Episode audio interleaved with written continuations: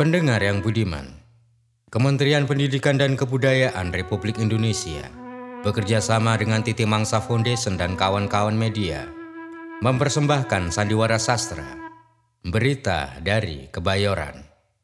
Sandiwara ini merupakan aliwahana dari salah satu cerita pendek Pramutia Anantatur dari buku kumpulan Cerita dari Jakarta. Pengarah program Menteri Pendidikan dan Kebudayaan Republik Indonesia. Direktur Jenderal Kebudayaan Republik Indonesia. Penanggung jawab. Direktur Perfilman Musik dan Media Baru. Kementerian Pendidikan dan Kebudayaan Republik Indonesia. Kerabat Kerja. Aminah diperankan oleh Natswa Sihab. Diman diperankan oleh Ciko Jericho. Hatijah diperankan oleh Lulu Tobing Narator oleh Matias Mucus. Ilustrasi musik ditata oleh Yenu Ariendra. Penata suara Pramudia Adiwardana. Manajer produksi Pradetya Novitri. Manajer pasca produksi Amerta Kusuma. Produser Happy Salma dan Julia Evinabara. Aliwahana Yosep Angginun. Sutradara Gunawan Marianto.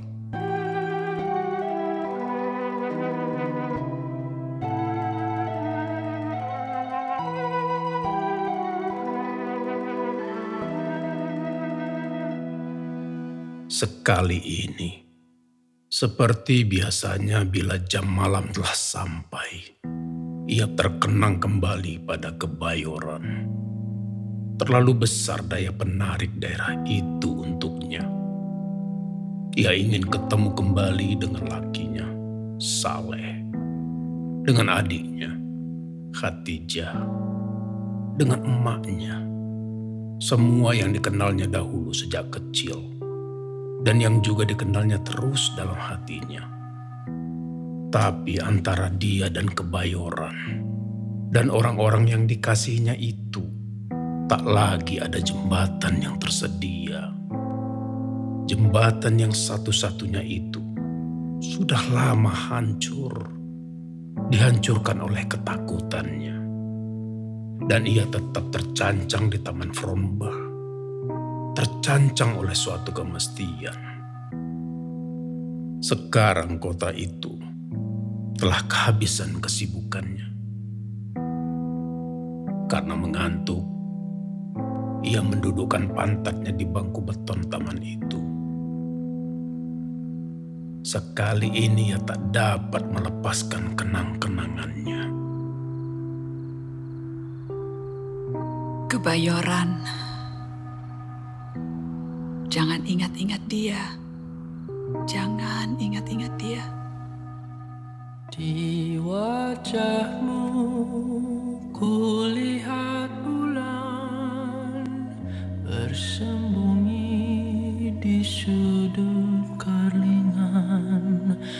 Sadarkah Tuhan kan ditatap insan yang haus akan boleh Dan jika Paris menyanyikan jasanya, cintaku takut cahaya sang surya. Jakarta merintihkan kisah malamnya. Rezekiku terancam sinar sang listrik.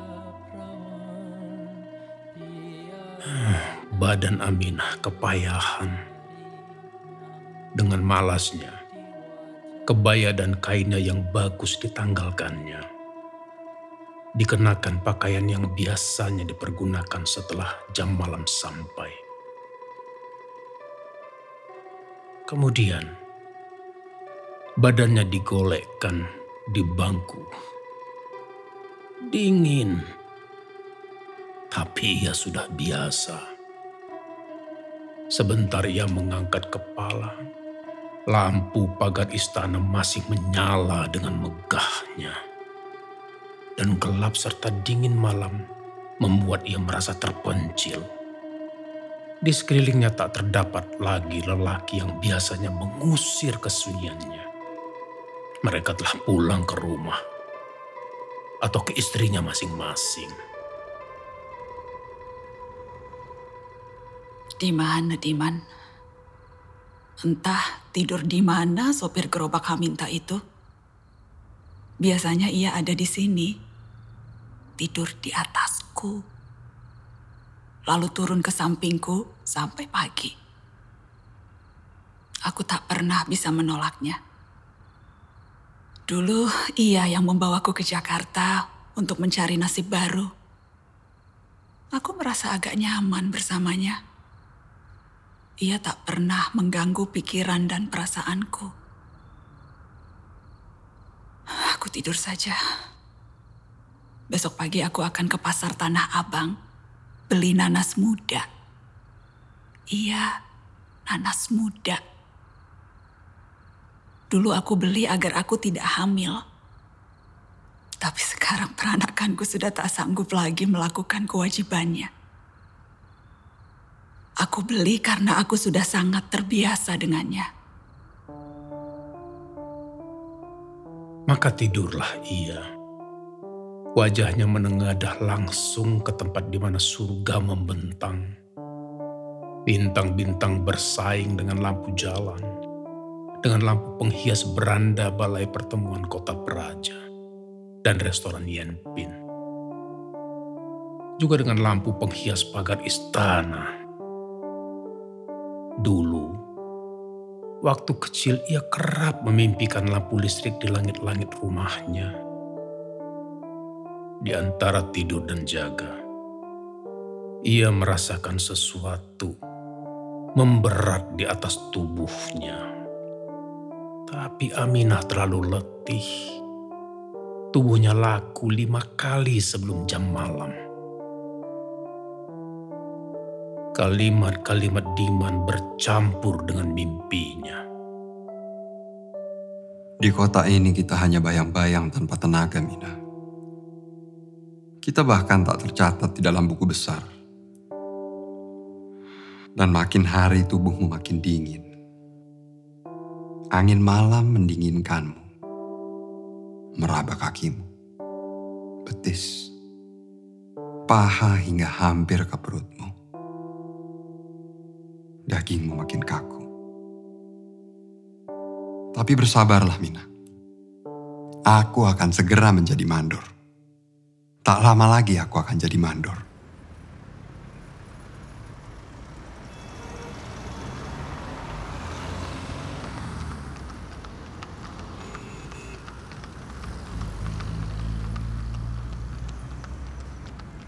Deru, deram, dering lalu lintas tak kuasa membangunkannya. Tubuhnya menghendaki lebih banyak istirahat daripada yang ia sanggup sediakan. Rambutnya kacau, dan sekalipun dalam tidur nyenyak, napasnya pendek tersengal-sengal. Diman sudah tak ada lagi di sampingnya. Berangkat kerja, Dibawanya berkas pakaiannya yang semalam dibawanya mengedarkan dagingnya. Menyeberangi jalan istana, turun ke kali besar, mandi. Air kali yang kuning itu selamanya menyegarkan tubuhnya barang sedikit. Waktu ia sedang beristirahat dan duduk di tepian kali, dilihatnya di kejauhan dekat persimpangan jalan kereta api, sesosok tubuh manusia di antara puluhan, bahkan ratusan sosok lain. Sosok yang sangat dikenalnya. Khadijah.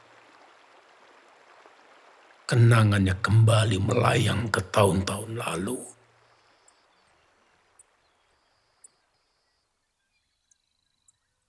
Kak, sudah bulat tekadmu?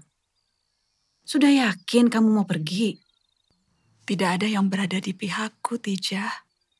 Bahkan engkau, adikku sendiri. Aku tak bisa menanggung seluruh beban ini lebih lama lagi. Aku akan pergi. Diman menawariku pekerjaan di kota. Engkau selalu berpikir tentang dirimu saja, Kak. Boleh kau sakit hati dengan Kak Saleh. Tapi jika kau pergi, lalu bagaimana dengan aku dan emak? Aminah masih ingat pada pakaian yang melekat pada tubuh itu. Pakaiannya sendiri yang dahulu dikasihkannya kepadanya. Sekarang kebaya itu telah kehilangan warna aslinya. Ia turun kembali ke dalam air dan mengecilkan badan. Mengapa takut? Mengapa takut?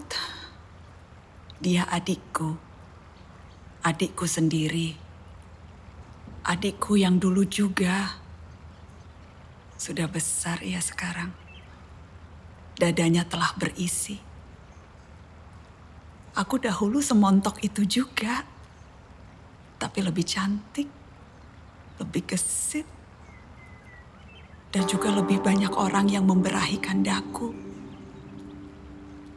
Kebaya itu telah pudar sekarang. Jarak antara Aminah dan Khadijah tambah dekat. Jantungnya berdebaran kencang.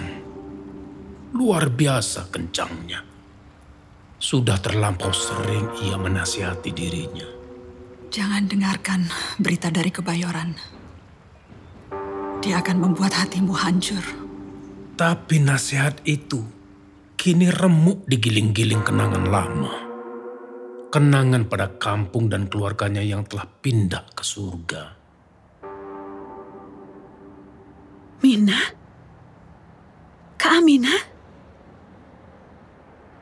Engkau kak ini Amina? Kau mengemis kak? Engkau sudah besar sekarang, Tijah. Beginilah aku sekarang.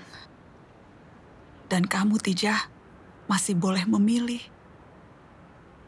Aku telah memilih, dan pilihanku salah. Engkau pelesiran ke Jakarta, Tijah. Belanja, Mina. Beli baju. Beli sutra merah satu baju. Beli kain dua. Beli gincu. Aku mau kawin, Mina. Setengah bulan lagi aku kawin. Baru sekarang aku merasa senang. Beli sutra merah, kain dan gincu. Kak Saleh yang memberi uang. Saleh. Kenapa aku tadi berinya juga uang? Aku bininya. Salah sendiri kamu lari. Siapa yang kuat, Tija? Kak Saleh sudah kubilangi. Jangan jual rumah dan ladang itu. Itu sumber penghidupan kita. Tapi dia bilang kekayaan kita itu harus kita serahkan kepada pemerintah, Mina. Jika tak ingin mendapatkan kesusahan darinya. Dia jual rumah dan ladang. Tiga ribu. Tapi setelah itu kita tak bisa lagi menuai tuak dari pohon. Memetik cabai. Tak bisa lagi membuat rujak buah atap. Tak bisa panen singkong. Kemudian tak ada lagi penghasilan apa-apa, Tija. Kak Saleh lalu kena candu dadu. Main dadu tiap hari. Utang banyak. Uang habis. Aku sendiri tak punya modal. Kak Saleh juga.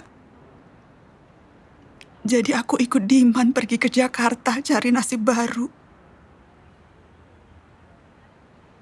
Kak Saleh masih main dadu, Tija. Salahmu sendiri mengapa kamu lari. Kak Saleh jualan sate. Dan aku yang memasak sambalnya. Maka aku mau kawin sama dia.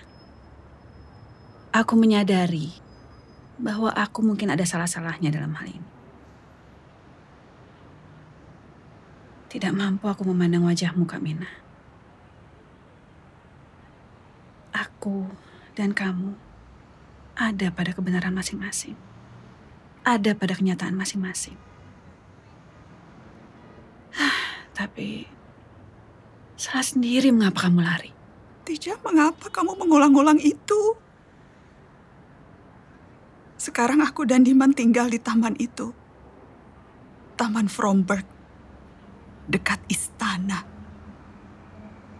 Aku ingin pulang ke Kebayoran.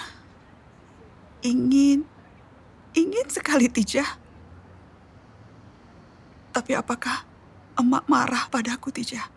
Apakah benar kamu ingin pulang ke Kebayoran? Emak menyumpahimu, biar kamu mati di rubung lalat. Dan kalau kau pulang, dia akan memukulmu dengan alu. Kau ingat kan? Alu yang sering kamu pakai menumbuk jagung. Sampai kuning ujung alu itu. Aku ingat kamu membuat bubur jagung. Kamu jual di pinggir jalan. Mina, pekarangan yang dulu sudah jadi milik pemerintah. Ada sekolah berdiri di sana.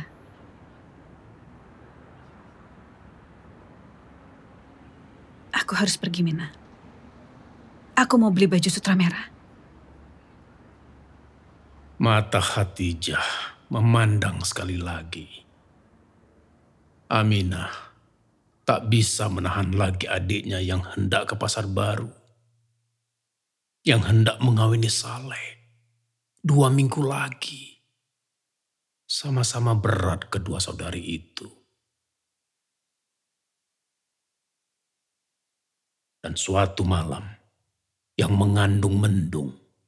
Beberapa bulan kemudian, Diman baru saja pulang kerja.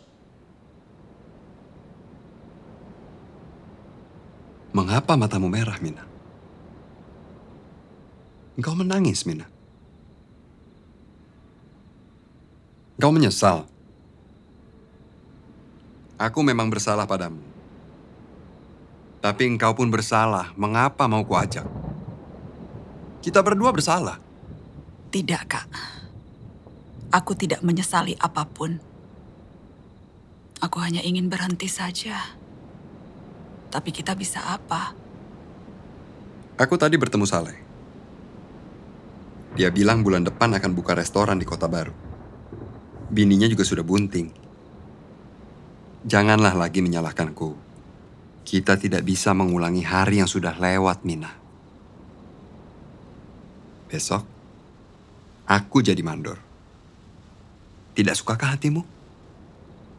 Kalau aku jadi mandor, kita bisa sewa pondok kecil dan hidup secara orang baik-baik. Barangkali juga kita bisa punya anak. Kamu ingin kan, Mina? Seperti bini Saleh?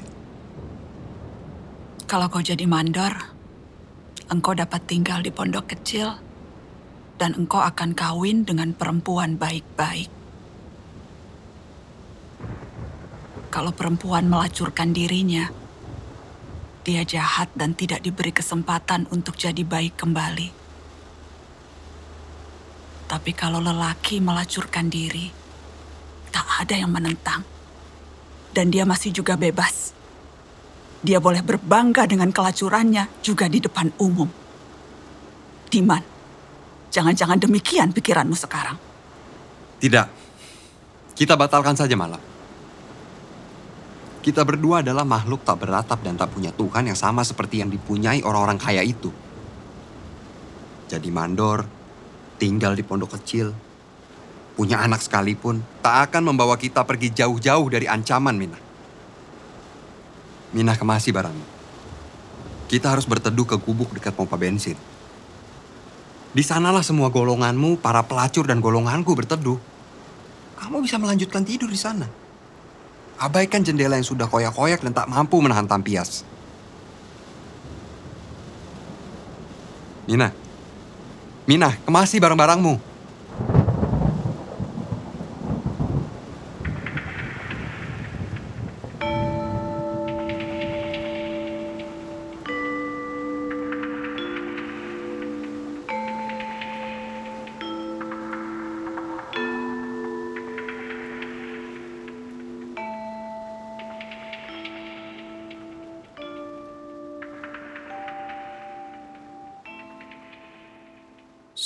Sehabis malam yang basah dan berangin itu, mereka tak pernah lagi bertemu.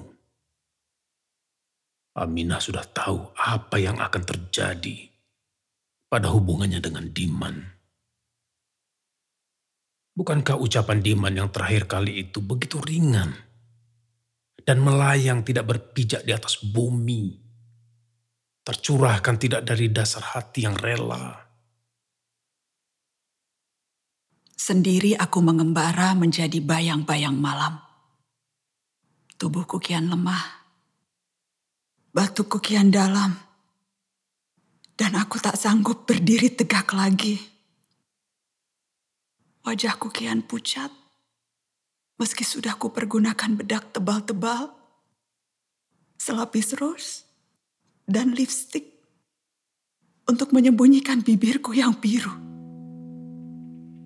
Aku tak pergi ke mana-mana. Kita masih berada di malam yang sama, Mina. Aku hanya berhenti datang ke Fromberg. Berhenti datang menemuimu. Engkau semakin menakutkan. Wajahmu lebih gelap dari bayang-bayang malam. Kewanitaanmu kian lama kian habis tanggal dari dirinya. Tak ada yang bisa menolong. Bahkan segala bedak, rose, dan lipstick. Dan sebagaimana aku, perlahan para lelaki mulai meninggalkanmu. Semua orang menimbang tampang, Mina.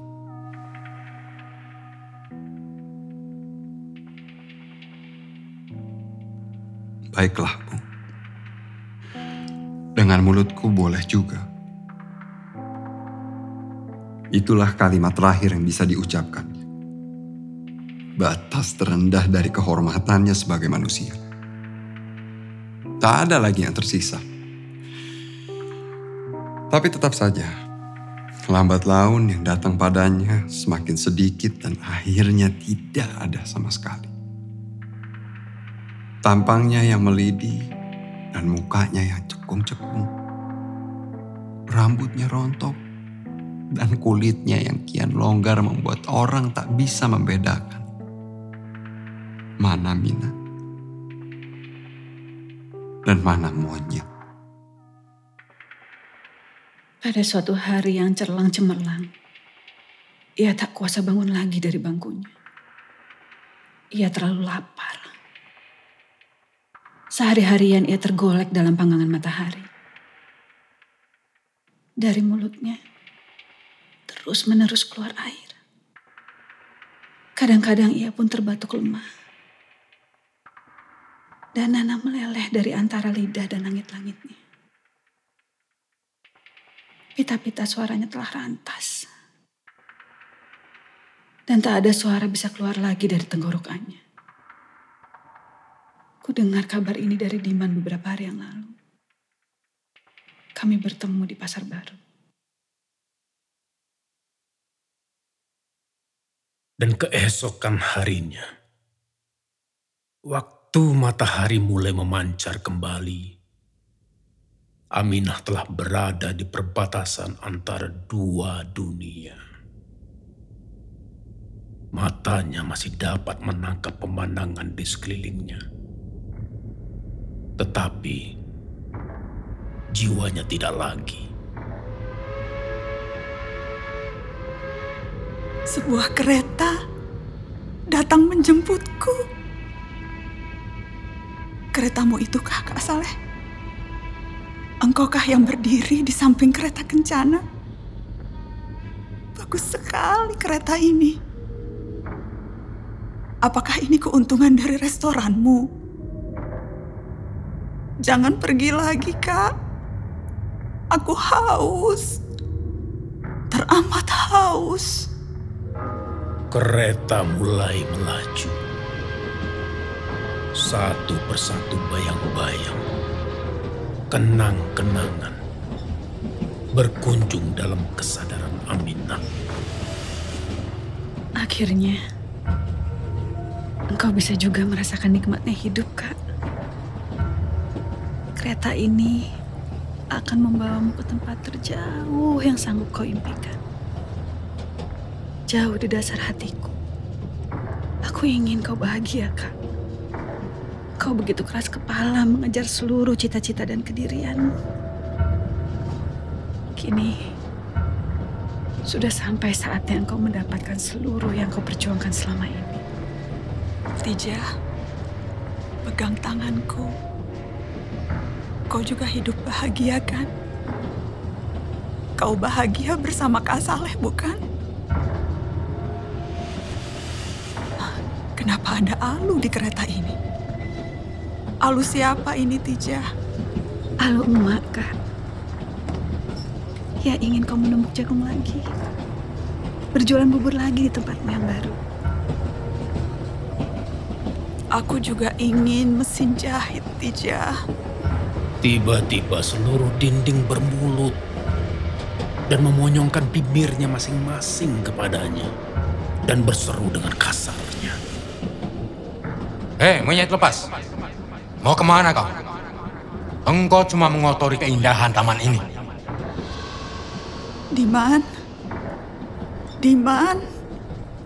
Para lelaki itu kurang ajar kepadaku. Diman? Diman? Mana kau? Mana? Tapi tak ada yang datang. Ketakutan dan kepanasan hati mengamuk dengan dahsyatnya. Tubuh Aminah oleng. Matanya mendelik. Ia mencoba melihat, hanya rawa-rawa hitam yang tampak. Pinggirnya dilebati ilalang. Udara berubah-ubah warna. Biru, kelabu, merah, hijau, segala warna. Tiba-tiba segalanya lenyap.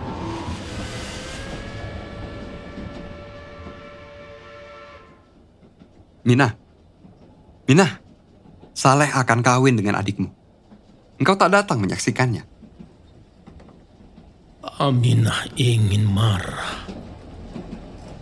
Tapi di depannya tiba-tiba terhampar pekarangan yang ia cintai. Dengan pohon-pohon aren sepanjang pagar. Sebuah rumah kayu berlantai tanah. Berdiri tenang di tengah-tengah pekarangan. Kemudian, Pembanangan yang menyedapkan itu lenyap. Bulldozer dan truk datang sebagai raksasa-raksasa yang hendak menerkamnya. Aminah menjerit. Gambar-gambar terus berdatangan. Wajah-wajah yang begitu dikenalnya. Kami mau ke kota.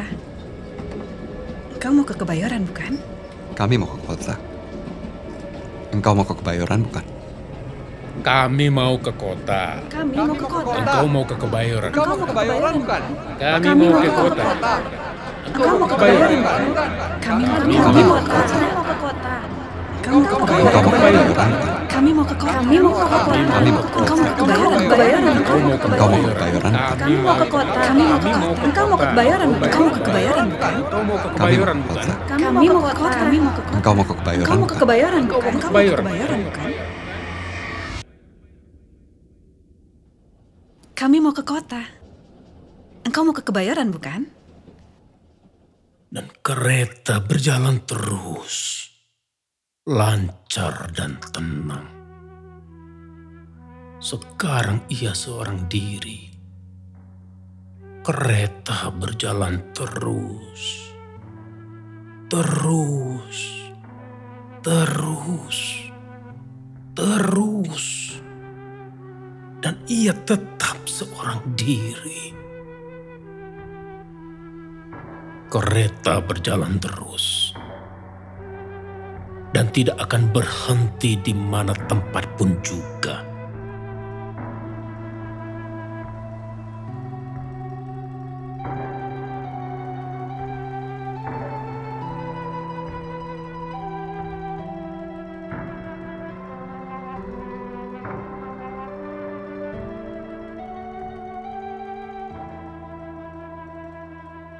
Demikianlah pendengar yang budiman. Berita dari Kebayoran. Ali Wahana Dari cerita pendek Pramudia Anantatur. Sampai bertemu di lain kesempatan.